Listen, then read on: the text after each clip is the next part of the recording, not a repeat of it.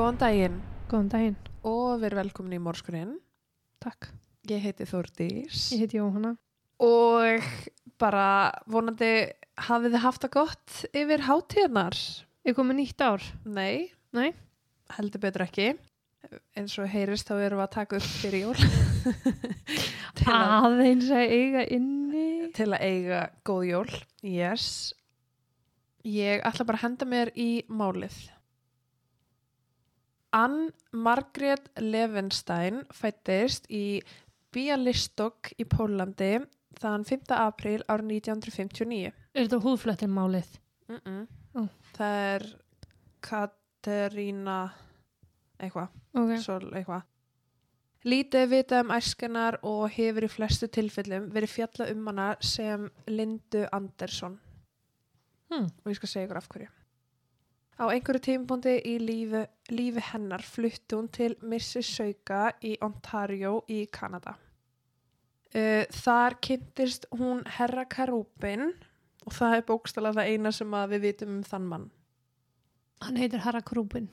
Aha, já, og hann heitir eitthvað Karúbin og í kjölfarið uh, giftiður sig og hann tók upp nafnið Karúbin þannig í raun eru að fjallum Ann Karúbin. Ok. Árið 1987 eignast þau dóttur sem að fekk nafnið Caroline og árið síðar eignust þau Catherine. Svo það var um árs uh, hjá þeim systrum. Og notabene allstæðari fjalla um sem sagt, Lindu og svo er fjalla um Beth og Söndru. Linda mamman. Já, Beth og Sandra dæturnar. En þær heita í raun Ann, Anna, Caroline og Catherine. Og ég ætla bara að fjalla um þær með raunverulegu nafni. Já, ok. Sue me if you want. Fjölskyldilífið var ekki alveg upp á sitt besta og að lokum yfirgaf faðir stelpnana þær og hafði engan áhuga að halda samskipti við dætsunar. Nú, Já, hvað kúkalabið það? mikill kúkalabi. Uh, Þegar að það er auksu úr grasi og Anna nú orðin einsta móðir var þunglindi yfirrándi hjá henni og áttur það til að snúa sér áfengi til að takast á við vanlíðan sem er vissulega ekki að besta sem maður gerir en stundum sér maður bara ekki aðra leið. Mm Mm Að vera einstæð móðir var mikil áskorun fyrir hana en fjáraslega staðinar var ekki góð svo hún vann í tveim störfum til þess að framfleita fjölskyldinu sinni. Hún starfaði meðal annars sem hjókurnafræðingur og vann langar og erfiðar vaktir. Þegar stelpunar voru 10-11 ára gamlar þá kynntist hún öðru manni og egnaðist með honum barn sem að fekk nafni Robert. En það lítur allt út fyrir að þessi maður hafi ekki staldra lengi við, svo fljótlega var hann orðin einstæð á ný með þrjú börn. Karolín og Catherine þurftu reglulega að grípa inn í og hjálpa móður sinni með Robert á meðan hún var að vinna og þegar þær urðu eldri þá fóru þær að vera bara frekar pyrraðar út í þessar heimilis aðstæður en þeim fannst bara leiðilegt að geta ekki notið þess að vera börn. mm. Þú veist, á meðan vinið þeirra voru út að leika þá voru þær heima með Robert Já. á meðan mamma þeirra vann.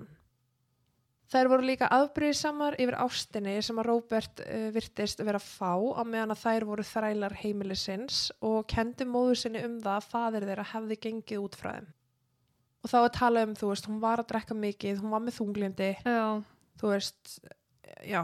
Mm Anna var bókstala að vinna af sér raskatið svo hún og börnin geti átt bót fyrir borun á sér en hún elskaði börn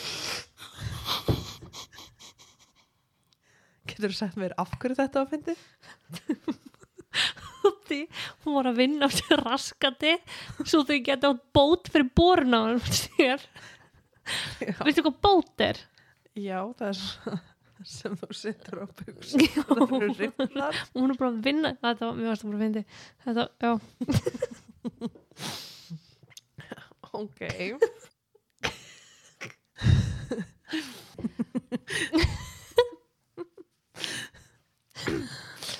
Ég hef gett mókuð Ég var bara ekki að þetta þú sagði ekki neitt vitlega sko. Mér fannst þetta bara ógæsla fyndi búin að vinna sér raskati til þess að eiga bót fyrir Já. Mm -hmm. Hún orðagrín. Já, ég bóði Jóhanna því ég skil ekki að það hann að brandara sko. ég er ekki eina hlæja.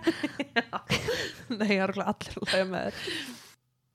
En Anna elskaði börni sín meir en allt og vildi gera besta til að veita um besta mögulega lífið en það þýtti líka að hún þurfti að vinna og voru vaktinir hennar sko 10, 12 eða 14 tíma langar.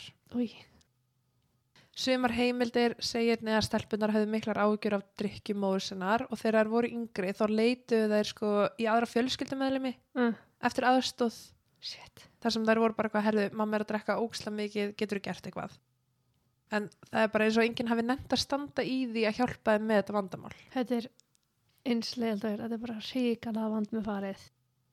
já og líka að ganga á eitthvað sem á við áfengisvandamál stríða, sko. já, og ég held að sé þú veist það er líka rosa erfitt fyrir kannski aðila sem að býr ekki inn á heimilinu að sjá sama vandamál og stelpunum voru að sjá Já, en svo, svo hittur aðilan og hún er bara rosa góð og fín skilur og Já. þú skilur ekki alveg því veist þetta er bara að vera smá dramatík Já, og svo líka svo auðvelt að sleppa því að gera eitthvað, sko. já, þú nennir ekki að skipta þér að þessu nennir ekki að blanda þér í halda þetta friðin. já. Já. en það verra er að þær höfðu líka á einhverju tímpúndi haft samband við sagt, fjölskyldihjálp eða svona batnahjálp, ekki beint batnavenda nefnd Já. en einhver, einhvers konar fjölskyldihjálp uh, sem að á sem sagt, að hjálpa fjölskyldum í svona aðstæðum en fengu í raun bara enga hjálp frá þeim Mm.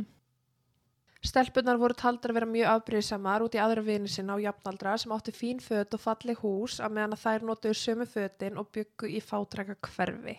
Ekki beint húsbíl eða svona trailer en húsi var bara svona svolítið rétt yfir höfuð þeirra og að meðan að vini þeirra átti sundlegar. Þannig að það má eiginlega bara frekar segja að þær hafi verið snobbar með þetta og voru bara ekki að sjá hvað móðir þeirra var að reyna að gera fyrir þær. Já. Gremjan kemur svona sjálfsagt frá drikkjunni, sko. Já. Já. Á úlingsárum átti er það til að sleppa skóla til að fara að reykja gras og fara í partí og djamma og það leit bara alltaf út fyrir að þær væru með eitthvað skonar upprist gegn móður sinni og væri bara svona svolítið að reyna að fanga aðtiglennar. Önnur skýsla segir að stelpunar hefða lókum hægt alfarið að mæta í skólan þegar þær voru 15 og 16 ára og það er alveg spurning af hverju þær fóru þá ekki bara að vinna sér inn fyrir fínu fötum fyrst þær voru ekki skóla Mm og fyrst þær voru svona rosalega ósáttar með fataval móður sinnar. Já. Já, en þær gerðu það ekki.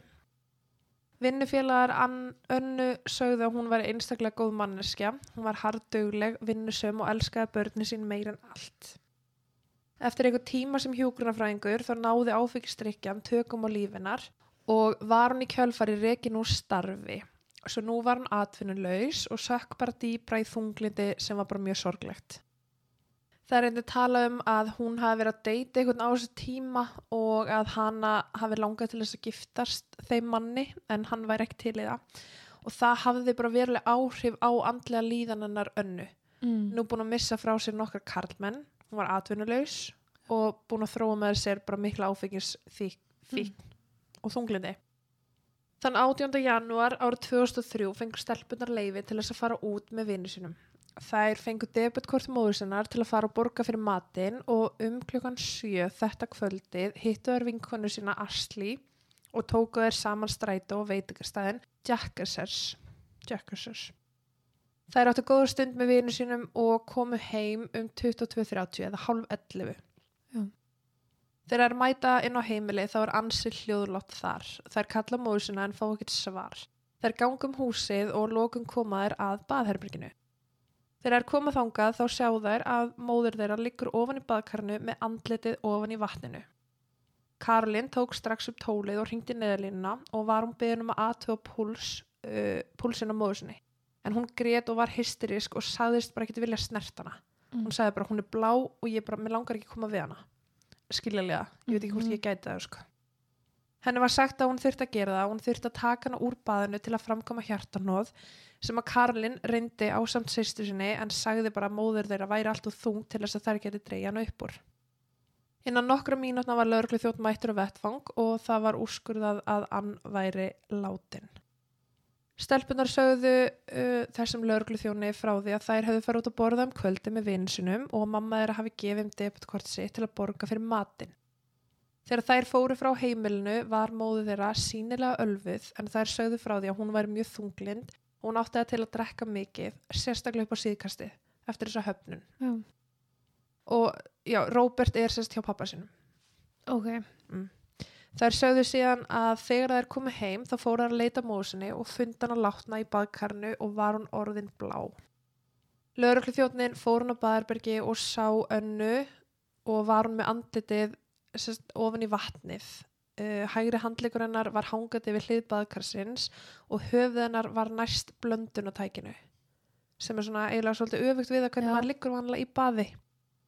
Þeir fengu því þá kenningum að hún hafi setið í baðkarnu og það hafi liðið yfir hana sögum áfengisnislunar sem að gerða verkum að hún datt fram fyrir sig með höfuðið ofan í vatnið og svona handleikin á baðkarið Já. og druknað. Í krupningu var úrskurðað um að andlát hennar hafi verið slis og það var bara ekkert sagnamt sem átt sér stað. Það var engin merki um átök og það var ekkert grunnsalegt í gangi. Lögreglan tók stúlkunarnir og lögreglustöð til að fá uh, þeirra skýslu af atbyrjum kvöldsins og þær einn sögðu bara sama. Þær voru út að borða með vinn sinum frá klokkan 7 þetta kvöldið og þegar þær komið heim að þá sáu þær eða fundu móðu sinna látna. Katrin var í miklu uppnámi allan tíman en Karolín virðist ekki kippa sér mikið upp í spurningar lauruglu. Laurugli fannst það samt sem ára ekkert skrítið en það höfðu þær fyrir stuttu gengið inn á móður sinna látna og voru bara enn að upplifa sjokkið. En sem sagt Karolín hafði verið mjög hysterísk þegar laurugla mætti á vettfang og það var bara gert að ráð fyrir að hún væri orðin bara svona svolítið dauð. Og veist, ég fatt alveg hvað hann er að meina. Já.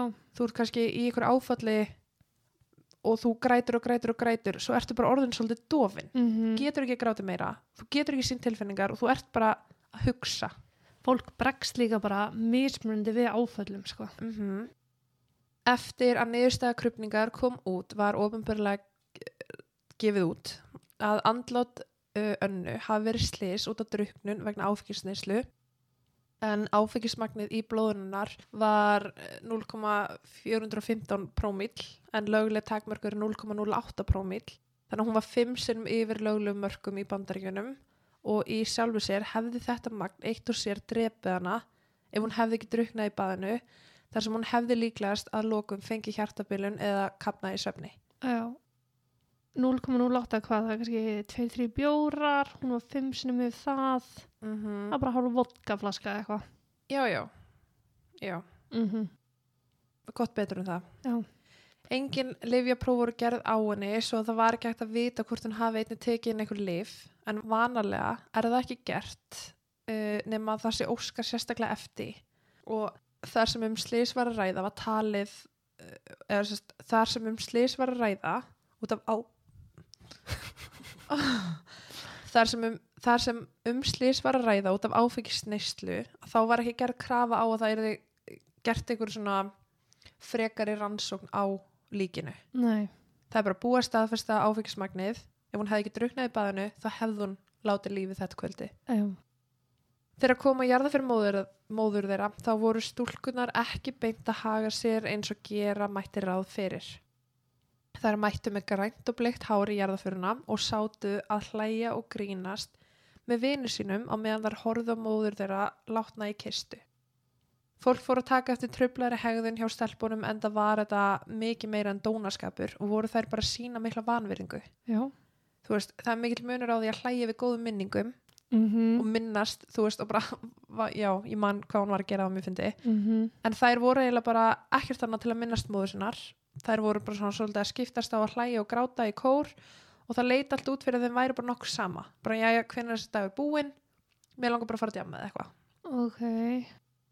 Þar sem stelpunar voru náttúrulega undir lögaldri þá fóru þær búa hjá frængu sinni eftir andlat móður sinnar en að lokum flutti pappi þeirra sem að hafði ekki verið til staðar aldrei í gamla hús þeirra sem að þær höfðu búið í með móður sinni og hann sérst flutti þangað í því skina að þær getur komið heim og búið með honum. Ok, sonurinn hefur væntalega bara farið til síns föðurs. Já. Já. Uh, pappin vildi vera til staðar fyrir þær og að þær myndi fá að halda lífinu áfram í aðurstæðum og umhverju sem þær þekktu áður svo sem minnsta röskur myndi verða á lífið þeirra. En það er bara mjög skrítið þær komið að móður sinni látinni inn á þessu heimili Mm og þetta er kannski ekki eitthvað sem þið langar að minnast á hverjum einsta degi sem hún ferði á klósitið Nei. en það er ekkert hægt að búast við einhverju miklu frá þessum pappa veist, hann hafði ekki verið lífið þeirra alla æfi og hennu núna allar hann að stíða inn og hjálpa Mhm. til en hann var mjög strangur og hann vildi til dæmis ekki leifa stelpunum að fara út með vinu sínum eins og þær voru vanar að gera og þær voru bara mjög ósáttar við þetta nýja heimilislíf. Þannig að lokum fluttaður aftur inn með frængusinni sem að fekk fullt forræði yfir þeim. En það var hún líka bara slakar á reglunum og þær þekkt hana miklu betur heldur en þær hefði þekkt pappa sinn. Já. Þær voru bókstæla bara að ganga inn á aðla sem þær þekkt ekki neitt. Mm Frænga þeirra fann mikið til með stelpunum vegna þess að þær höfðu mist móður sína og vildi hún bæta úr því með því að veita þeim húsaskjóla ást og þess vegna einmitt sótst hún eftir að fá fullt forræði yfir þeim. Karolín, hún átti kærasta að nafni Donni og hafði hann tekið eftir mikil breytingu á hegðun hennar en hún var farin að drekka mikið og neyta fíknefna sem var bara eitthvað sem hann fílaði ekki. Það var svo í nómber ár 2003 eða 11 mánum eftir andlátt móðura sem að Karolin hafði verið að drekka og neyta mikill að eitilega með vinnu sinum. Kærastinn hennar, Donni var búin að fá nóga þessu ástand hennar og hætti með henni sem að koma henni bara í meira uppnám. Já. En hann var bara, þú veist, ef þetta er lífverðin þitt þá vil ég ekki vera partur að því. Mm Eftir það fór hann að hafa samband við gamlan vin sem hafði verið með henni í skóla. En þær stelpunar flutti mikið á milli staða og þennan vin hafði hann ekki talað við í eitthvað tíma. En hann hafði þekkt þær á yngri árum og þekkt móð þeirra. Eftir að tala nokkur sinnum saman og mynda traust sín á milli, þá var það í eitt skipti sem að Karlín misti það út úr sér að það hafi verið þær systur sem að drápu móður sinna. Hann kom það. Þessi vinurinnar var ekki samþykkur þessu og gati ekki haldið þessum upplýsingum að sér, svo hann fór til skólaráðgjafa í skólanum og sagði þeim hvað hann hafði heyrt og í kjölfari var lögreglan fenginn í að rannsaka málið. Hann var sannfærður af lögreglu um að fá stelpunar til þess að játa þetta fyrir honum á ný, svo hann fekk hlérunabúnað sem var svona ferstur undir fötin hans og einnig voru settar myndavelir í bílinn hans. Hann hafði planað að hitta Karolín í desember þetta árið og í janúar árið 2004 gerði hann það sama með Catherine en báðar stelpunar fjalli fyrir þessu og lístu því í smáadröfum hvernig þær drápi móður sinna. Karolín sem var elst hafði fengið nóa því hvernig líf hennar var og það var rétt fyrir andlátt önnu sem hún byrjaði að gera áallin. Þegar þessi áallin var tilbúin þá ætlaði hann að sannfæra sýsti sína Catherine um að hjálpa sér með hana en plani var einfallega bara að drepa móður þeirra. Ann var nefnilega með líftryggingu upp á 200.000 dollara sem voru skráð á börnin hennar svo þau myndu skipta því jamt sín á milli en þær gæti ekki fengið það fyrir að þær myndu ná 18 ára aldri. Karolin sagði að það væri ekki eina ástæðan fyrir þessu. Ástæðan var svo að hún vildi meira frelsi og sjálfstæði og sannfæri sýsti sína um þetta. Þar sem hún sagði við hana að hún myndi hvort þeir degja lokum út af áfengisneislu þannig að það væri bara tímaspursmál hvena það myndi gerast og af hverju ekki bara flýta ferðinu. Mm. Þetta það er með. Já, rétt. Þær hefðu líka alveg geta, þú veist, á einhvern hátt sagt henni að fara í meðferð, sagt ekki alltaf að gera hitt eða þetta og myndi ekki gera það, þú veist, vissulega vitum við að það virkar ekki nema einstaklingur vilja sjálfur fara í meðferð en hún elskaði börnin sín það mikið Já. Svo 16 ára Karolín vann hörðum höndum við að sannfara 15 ára Catherine um að ganga í gegn með þetta. Og Catherine var ekki alveg viss og ekki alveg til í þetta en Karolín sagði bara, ok, ef þú ætlar ekki að gera þetta með mér þá ger ég þetta einn. Mm Þetta er að fara að gerast. Karolín dreymdi reglulega um lífsitt eftir andlat móður sinnar og ímyndaði sér að hún myndi búa í eins húsi og vinir hennar með sýstu sinni og bróður og að hún geti fengið vini sinni heimsókt hvena sem hún vildi, hún geti flutt hver sem hún vildi og bara gera nákvæmlega það sem að hana langaði. Átti að segja ekki alveg því að hún myndi fara í fóstur til frænkusinnar og að Jú, blóðpapina til, til 18 ára. Já, og, svo ætti hann bara að lifa góða lifinu. Já, þá myndi hún Ok. fá peningin og lifa góða lífinu. Hanna dreymdi um að taka peningin sem hún myndi fá líftryggingunni út og ferðast um heiminn. En það var ekki bara þetta drauma lífa eiga pening og flott hús, heldur líka bara frelsið. Mm Þurfi ekki lengur að passa, þurfi ekki að gera þetta, þurfi ekki að gera þetta Já, og það er enginn að segja hvað þú átt að gera. Sem að hljómar bara svona svolítið eins og dæmi gerur úrlingur sem vil ráða því sjálf hvað hún gerir á þess að einhver annars er að stjórna því. mm Svo bætist einnig við gremjan gegn móðurinnar sem var að drekka og hafði mist vinnuna og það er bara eins og hún hafi vaknað í daginn og bara jæja í dag þarf mamma að deyja. já, Svo Karolin sagði vinn sínum Jay og Ashley frá þessu ráðabryggi og sko nú veit ég hvort að Jay og Ashley séu aliases Já, eða hvort þau heita það dulnefni. já, vegna þess að Þeir eru yngri nátján. já, en hún hafði sér sagt vinn sinni frá þessu og þau voru ekki að taka hana alvarlega en þau höfu alveg heyrt ykkur segja þú veist, og ég hata mömmu Mm -hmm. og mamma þetta, mamma hitt mm en hún sagði líka kæristunum sínum Donni frá þessu og hann var sérst með dóða, góða dómgrind á gjörðir hennar en hún reykti græs og djammaði mikið sem náttúrulega hann gerði ekki og þegar hún sagði hann frá þessu þá var, þú veist, hann var bara eitthvað svona æ, þú veist, hún er aldrei að fara að gangi í gegn með þetta, hann bara trúður sig ekki en hann var samt bara eitthvað úst, ég nenni þér ekki lengur sko, nú ert þú bara orðin vandræði Já. Það var svo eftir einhver tíma sem hún náði, sem hún náði loksins að sannfæra sýstu sína um að hjálpa sér að drepa móðera. Stelpunar vissu að þær gæti ekki bara drepið hann og komist upp með það. Þær voru klárar og vissu að þær þyrfti eitthvað meira til að þær myndi fá líftrygginguna. Þær vissu líka að þær þyrfti að gera þetta þessa helgi sem þetta gerðist. Þar sem að bróður þeirra Róbert var hjá pappa sinum.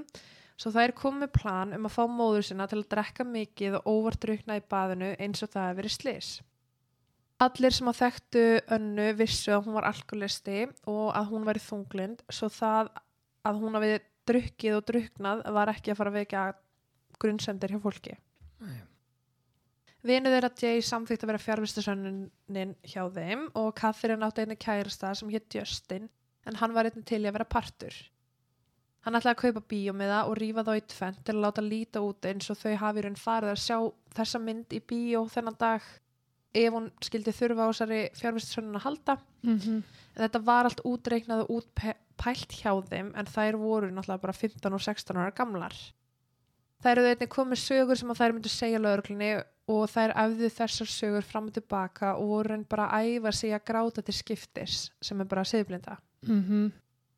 Uppháflega höfðu þær planað að myrða móður sinna 11. janúar en það er sem að það var partí daginn eftir eða 12. janúar þá uh, ákveðu þær að fresta þessu til 18. janúar en það vildu þær alls ekki missa af þessu partí. Þær vissu að ef þær myndi gera þetta 11. janúar þá væri lauruglan ofan í kokina þeim daginn eftir og þær myndu bara einfallega ekki komast í partíið. mm. Stelpunar keiftu nokkrar Tylenol 3 en það eru sérst töflur sem að inni heldur amfetamin og kódín og það er sterkara heldur en hefðbundin Tylenol tabla og þær vildu í raun bara nota þetta til að deyfa móður sinna sem mest. Akkur í óskupunum er verkist til að liða með amfetamin í. Bara þess að ná upp adrenalinu eða eitthvað. Já, þú ert ekki að spyrja réttum mannski. Nei, já, ég er bara veltaði fyrir mér. Að kvöldi 18. janúar settust þær niður með móður sinni við mataborðið og byrja að gefa henni vodka og límonaði. En þær gáði henni til nokkur glös af víni Var normið að þær væru að þjónustana um áfengiða? Já, nei, Ok, en það er rosa öll fyrir að það er að vera bara eitthvað, það er til að slaga mamma. já. En í lok kvöldmarsins hafði móðir að neitt 6 Tylenol 3 sem að virðist bara vera bannvætt skamtur einn og sér. Já, Það er í raun ekkert farið nánar úti að hvernig það er fenguna til að ymbira töflunar en ég gerir ráð fyrir að þær hafi mjögulegar neyjur og sett í drikkin hennar. Mm en það er ekkert líklegt að hún myndi bara sjálfviljug taka ykkur óþögt töflur hvað þá sex talsins af því að þeirra er dætur hennar er að gefa hennar uh, Anna drakk líka mikinn vodka og mikið af víni en hún var orðin svona slói já, Uh, þá leituð þær hana inn á baðarbyrgi, afklættana og sett hann í baðkarið en hún var varla með meðvitund á þeim tíma. Hún var varla fær um að standa sjálf og Karolín sett á sér latex hanska til þess að móðurnar myndi ekki finnast með fingraförin hennar á sér. að þess að nú voru það að senda hann í bað. Nei, þess vegna var hún með latex hanska. Já, Þær hugsuðu bókstælega fyrir öllu. vá, maður myndi ekki svona detta allir hugur því ég var bara að hún er að fara í bað. Uh En uh, þær, sko það er talað um að þær hafi meðal annars þurft að halda höfðunarnar uppi Uh. til að byrja með. Þú veist, en Anna var ekki að berjast á móti. Hún alltaf var bara nánast meðdendalaus og Karlin held að það væri auðvildara ef þær myndi veltinni yfir á magan. Þannig að þær voru sérst í byrjun að reyna að halda sérst höfðunarnar og voru líka að reyna að íta því ofan í. Ok, En þær voru bara ekkert að ná því ofan í baðkarnu nei, þannig að þær ákveður sérst að snúinu við á magan já, þannig að þess vegna var höfuðunar hjá blöndunatækinu um, það er tala um að þær voru með tæmer til að, sagt, eh, taka upp tíman sem að þær heldu höfðinu niður til að vera vissum að hún væri þá látin. Mm. og þær heldu niður höfðunennar í fjóra mínútur en þær höfðu sérst lesið einhver staðar að það væri tíminn sem þú tæki að drukna Mm og mamma er að bara meðvitið að laus nánast þegar hún fyrir hún í baðið, baðið. Já, þannig að kannski erfið að fyrir þær átt að sá því hvort hún sé látin eða ekki já, já. að því hún er ekki að sína neina mótspyrnu hún var ekki að streytast um móti vegna þess að hún var bara svo livgið ekki leða löngu þar til að stelpunar tóku eftir því að móður, móður þeirra væri látin þær tóku síðan debitkortið hjá móður sinni og yfirgáðu heimilið hitti vinkonu sinna Asli á strætó stoppstöð og fóru síðan saman á veitingarstæðin og bara heldu áfram með kvöldi sitt eins og þær höfðu planað Karolín hafði meðal annars tekið með sér latex hanskan og losa sig við þá á veitingastæðnum. Uh, Asli tók eftir því að Karolín, hún var í miklu uppnámið þetta kvöldið en Katrin ekki. En það var það Karolín sem hafði verið að halda höfðun á móðusinni ofan í já. en ekki Katrin. Mm Allir vinur þeirra vildu ni- vita nákvæmlega hvað gerðist og Karolín sagði bara við þær að þetta væri ekki eins og hana hafði grunað. Þetta væri ekki eins og hún hafi búist við. já. tilfinningin var öðruvísi. Mm En vinið þeirra Asli og Jay voru náttúrulega aðal fólki sem að vissi eitthvað eða tóku þátt í þessu sem og Justin og þau voru svona svolít, þau voru farin að hafa áhyggjur af því að stelpunar að ef stelpunum yrði náð þá myndu þau einnig vera ákjað fyrir samverknað fyrir aðilda morði mm. sem er alltaf góð möguleiki. Asli sagði að hún hafi næstu því á einu tímpúndi sagt frá þessu vegna þess að henni fannst þetta ekki rétt þar sem þau hefðu gert en hún eiginlega bara þorði ekki. Donni, honum hafði líka farið að gruna hvað raunverulega kom fyrir önnu og var sérst að yfirheyra Karlin mikið um það og lokum játa hann það fyrir honum að hafa myrt móðira. Mm. Þannig að núna eru nokkur úr vináfnum sem að vita hvað gerðist og ekki einasti hafði hugur ekki til þess að standa upp og viðkjöna það fyrir einhverjum öðrum. Það er slæmt. Það er mjög slæmt en það er líka að tala um að stelpunar eru frekar stjórnsamar og frekar ókveikjandi. Já. Það var ekki fyrir að þessi gamli vinur úr skóla fór til skólaráðgjafa sem Mhm. fór til lauruglunar og þann 21. janúar árið 2004 voru stelpunar því handtegnar heima á Lauruglan fekk einni Ashley, Jay, Justin og Donny í yfirheyslu og leit var framkvæmt hjá frængu þeirra sem og í skólanum og náttúrulega bara inn á heimilinu þeirra sem að þær höfðu áður búið. Á lauruglustöðinni játaði Karolín að hafa myrt móður þeirra og hjælti fram að Katrin hafi ekkert með málið að gera fyrir en eftir andlatið. Katrin neitaði hins vegar að tala og baði um lögfræng en hún var bara mjög ósamvinni því. Sem betur fyrir eru lögin í Kanada þannig að það þarf ekki að stöðva yfirheyslu þegar sagbúrningur byður um lögfræng og því heldur bara áfram að yfirheyrna Ok. þar til að lögfræðingur komst á svæðið. Þeir síndu Katrin myndefni úr falinni myndavel úr bílnum hjá vinu sinum Mm og þrátt fyrir það þá var hann bara nepp, ég gerði þetta ekki, ég vil ekki játa dararara og bara ákvaða að segja ekki frá neinu. Svo hófst rannsókn og lauruglan fann netskilabóð eða bara skilabóð á netinu sem að stelpunar höfðu skipst á uh, milli sín og milli vina sinna og fundi einni vísbendingur um að stelpunar hefðu leitað uppi leiðir til þess að drepa móður sinna án þess að það yrði rannsakað eða tali vera sagnemt. Þær höfðu meðal annars skoða margar síður þar sem var að vera fjallum sem sagt druknun fyrir slistni, hvað gerist ef 3 er blanda við áfengi, áhrif kótin og áfengis. Já.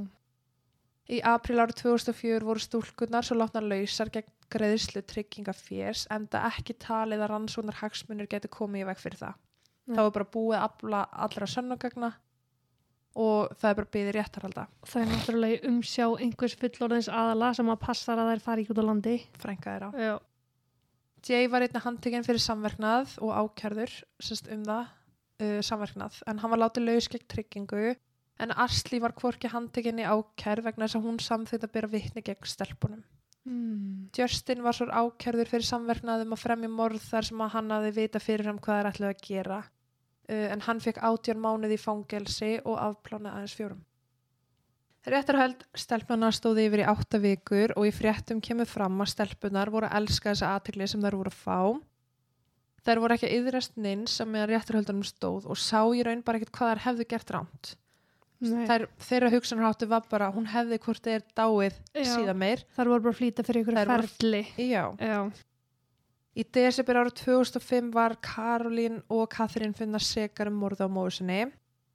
Uh, vegna aldurs þeirra þeirra brota átt sér stað eitti Karolín undir 5 árum í fangelsi og Katrín 5 árum.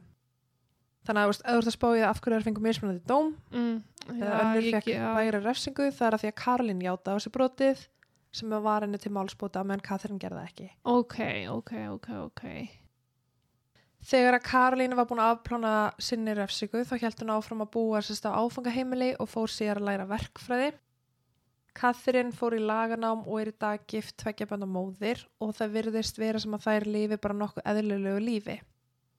Og sko, þú veist, það er alveg margir sem að setja spurningamerki við það af hverju þær fengur bara fimm ár. já, Það er, er samt alveg mm, líbó sko.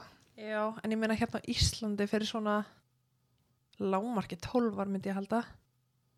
fyrir svona ungar stelpur. Já, vegna þess að 16 til 20 er náttúrulega já, refsiramin og svo kemur refsilækkun. En jú, vissulega, þú veist það náttúrulega er, ég hugsa samt að það sé sko, það vantar einhver gögnana að því það eru svo ungar.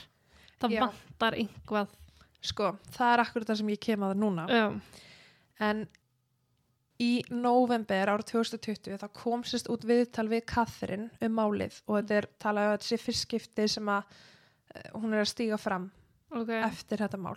Sérst að þetta mál um, hefur gerðna verið kallað Bathtub Girls eða Bathtub Girls Murder. Hmm. og það var meðal annars uh, kom mynd út árið 2014 sem er svona hryllingsmynd mysteria sem er byggð á þessu máli og heitir The Perfect Sisters. Ok, og það var einnig skrifið bók um þetta. Og í bókinni er að tala um stelpunar sem Beth, Sandra já, Og- þaðan komið sér já. En út af því að þær voru undir 18 ára á þeim tíma sem voru á sér stað, þá er það náttúrulega vendaðar undir kandísku lögum já. með að það er ekki gefið út en svo kýs hún að koma sjálfvölu fram. Hún kemur fram sem Sandra og í viðtalinu er Sandra segir þetta, Sandra gerir þetta. já, Það kemur hvergi fram að hún Hennar heitir actually uh, Catherine. Já. Þannig að ég veit ekki, ég er kannski bara expósaður hérna en nei, pottið ekki Nei, þú veist, en hún sem sagt kemur fram og þarna er hún 34 ára gömul og það er talað um að þær séu fyrstu sem sagt uh, fyrstu sýstunar í Kanada til að vera ákjara fyrir matricide eða sagt að Já. drepa sína eigin móður í þessu viðtali þá kemur hún fram með þær upplýsingar þar sem hún er basically að tala um hvað hún átti umla æsku hvað heimilislífi var slæmt og hún hafi búið við andlegt og líkamlegt ofbeldi mm. sem og kynferðislegt ofbeldi og hún sem sagt talar um kærasta móður sinnar sem að er þarna að tala um sem dog en við veitum ekkert við veitum en ekkert hvað hann heitir. En að hann hafi verið sem sagt uh, hann er ástæðan fyrir því að hún fór að drekka svona mikið. Hann var svolítið að íta undir það já, en hann var líka að beita hana miklu ofbeldi. Og hún talar sérst um að hann hafi verið að beita þær stelpunar kynfyrirslega ofbeldi. Já, og þær hafi meðal annars verið reyður út í móður sinna fyrir að hafa ekki gert neitt í Mm. málinu. Hún kemur fram í þessu viðtali og segir bara að hún sé tilbúin til að segja frá sannleikanum. Eitthvað sem hún vildi ekki gera á þeim tíma. Hún sagði líka bara að hún lifði á þannig heimili að sagt kvöldmatur og kvöldmatatími var bara svona special occasion. Já, ok. Það var aldrei neitt sem að var að setjast nefið borða og borða saman nema voru jól. Já, og að einmitt þær systur hefur þurft að vera heima með yngri bróðu þeirra á meðan mamma þeirra var að vinna. En þú veist að þetta hljómar sko í fyrstu áður en að þær, hún kemur fram í þessu viðtali og hljómar þess og þær séu bara fyrir eitthvað stombaðar já, þannig er hún alltaf bæta við upplýsingum sem hún var ekki tilbúin til að segja frá þá. Hún sagðist meðal annars hafa talað við prest í svona kirkjubúðum sem hún fór yfir sumarið um kynferðsbrotið en þá var hún 12 ára gömul. Og þessi prestur sagði henni að hún ætti bara að konfronta þennan mann um þetta og segja hann um að hætta annars myndi hann segja móður sinni en þegar að hún gerði það að þá, það, þú veist, þá var ofbelsmaðurinn bara ok, gerðu það, mér skilt sama mm. Hún tala þá um að hún hafi verið frekar ósatt við að þessi prestur sem hún hafi farið og tala við hafi ekki gert neitt í málinu sjálfur já, hafi ekki stigið henni aðstæður og hjálpað henni ekki tala við yfirvöldið eða neitt af því að hún var náttúrulega ekki færum að gera það sjálf. Hún segir að mamma hennar hafi oft keirta meðan hún var full jafnvel þó að hún og sýstirinn hefði verið í bílnum og hún talar um sem sagt bara að fíknin var nummer 1, 2 og 3 hjá henni. Fíknin er sterkar en móður ástinn mm uh, Karlin segir hún var aldrei að fara að hætta að drekka hún var að fara að deyja hvort sem er. Og einmitt og hún sagði bara að hún myndi vilja allt þetta myndi hætta allt þetta ofbeldi og allt sem var að gerast þarna á heimilinu. Akkur ekki núna, frekar hann eftir ár. Uh, hún hefur líka komið fram hún hefur sagt að hún hefur sem sagt hort á þessa mynd sem var gert og hún segir sko að eina sem að úr myndinni sem að er sagt, stendur raunverulegan já, sem að raunverulega gerðist var það að hún notaði tæmir til að halda niður höfði móður sinnar. Hún segir að allt annað sé bara bull. Já. Og hún sé ekki sátt við þessa mynd. Nei, ég get rétt ímyndum með það. Mér finnst mjög undarlegt að einhver nýtir sér sögu tveggja mjög svo brotna stelpna sétilhagnar. Mm Uh, og líka það var náttúrulega að gera bók um þetta sem heitir The Class Project How to Kill a Mother. Og hún var gerð árið uh, 2008 já, og sem sagt The Perfect Sisters myndin er bú- búin til út frá þessari bók. Það sem er svo vand með fara með svona mál og sérstaklega þegar maður tekur þau til frásagnar er að ef þú hafði byrjað máli og sagt okkur frá því mm -hmm. hver raunverulegt, eh, hvert raunverulegt ástand heimilisins var þá hefðu þá, þá hefði ég bröðist við allt öðru saltmáli, öruglega já. Með meiri samúð og meiri tillit. Mm -hmm. en svo þegar sagt frá því svona síðan meir. Já, nei veist já, bara þegar frásögnin líti af ykkur öðru að þegar þessi upplýsingar voru ekki komin fram fyrir hún er 34 ára skilur 20 ára Mhm. setna eitthvað. Já, það, það er allt annað skilningur á. Veist, það eru tvær unga stelpur sem búið umurlegar aðstæðir sem að ekkert batna og þurfa að líða sko. Þetta, já, það er mitt máli og hún er að stíga mjög seint fram en hún sagði bara að henni fannst hún bara skammaði sín ógeðislega mikið já, og þú veist, það er ekkert það er ekki ákveð tími sem þú átt að stíga fram með þessar upplýsingar. Þú gera bara þegar þú ert tilbúin og það er enginn annars að geta þvingað þig í það nei en svo er annað að börn gera sér ekkert andla grein fyrir því að þau séu að verða fyrir ofbeldi fyrir en þau eru hann fullorðin mm -hmm. og margir bara ekki fyrir þau eignast börn sjálf þegar áttu að segja á því að svona myndi aldrei koma fram í sín börn sko. þannig að það er ofbeldi er alltaf ofbeldi en hver og einn upplifur ofbeldi á mismunandi hátt ef, ef þú ert 14-15 ára gömul og þú ert ekki vöninu öðru en að sjá mömmu blind fulla og beita andlega ofbeldi og kærastan sé að kynferðislega uh, Mhm. brjóta á þér já, að þá því miður verður það bara, hinn, bara normið sko. og þú áttaði ekki á því fyrir að aðstæður eru, eru öðru í sig að þetta, að þetta átti ekki að vera svona að þetta, að þetta var óeðlegt einmitt Nei, en svo líka að því að sagt, hún segir sjálf að hún hafi líka stöð skamma sín mjög mikið vegna þess að hún draf móður sinna fyrir að drekka. Og hvað er það sem hún gerði eftir aldrei hún fór að drekka, Já, neita fíknefna og hún Mhm. segir bara, veist, bara ég hataði sjálf á mig fyrir að drekka líka því ég hafði drepið móður mína fyrir að vera að drekka. Já. hvað er ég að gera líka, þú veist? En hún sagði bara að henni fannst hún eiga skilið að deyja basically. Mm hún segir líka í þessu viðtali að hún hafi mjög oft hugsað um að drepa sagt uh, stjúpföður sinn. -hmm. þannig óbilsfulla mann og kynferðisafbrota mann. Og hún segir bara ég held að ég væri geðvik og er og þannig er hún bara eitthvað, ég er það ekki. Mm þú veist, ég hefði fulla rétt á þessum hugsunum. Og hún segist hafa hugsað oft úti að hvort hún væri ráðmóringi eða ekki vegna þess að þarna er hún að hugsa um drafmóður sinna og var að hugsa um að drepa hann líka. -hmm.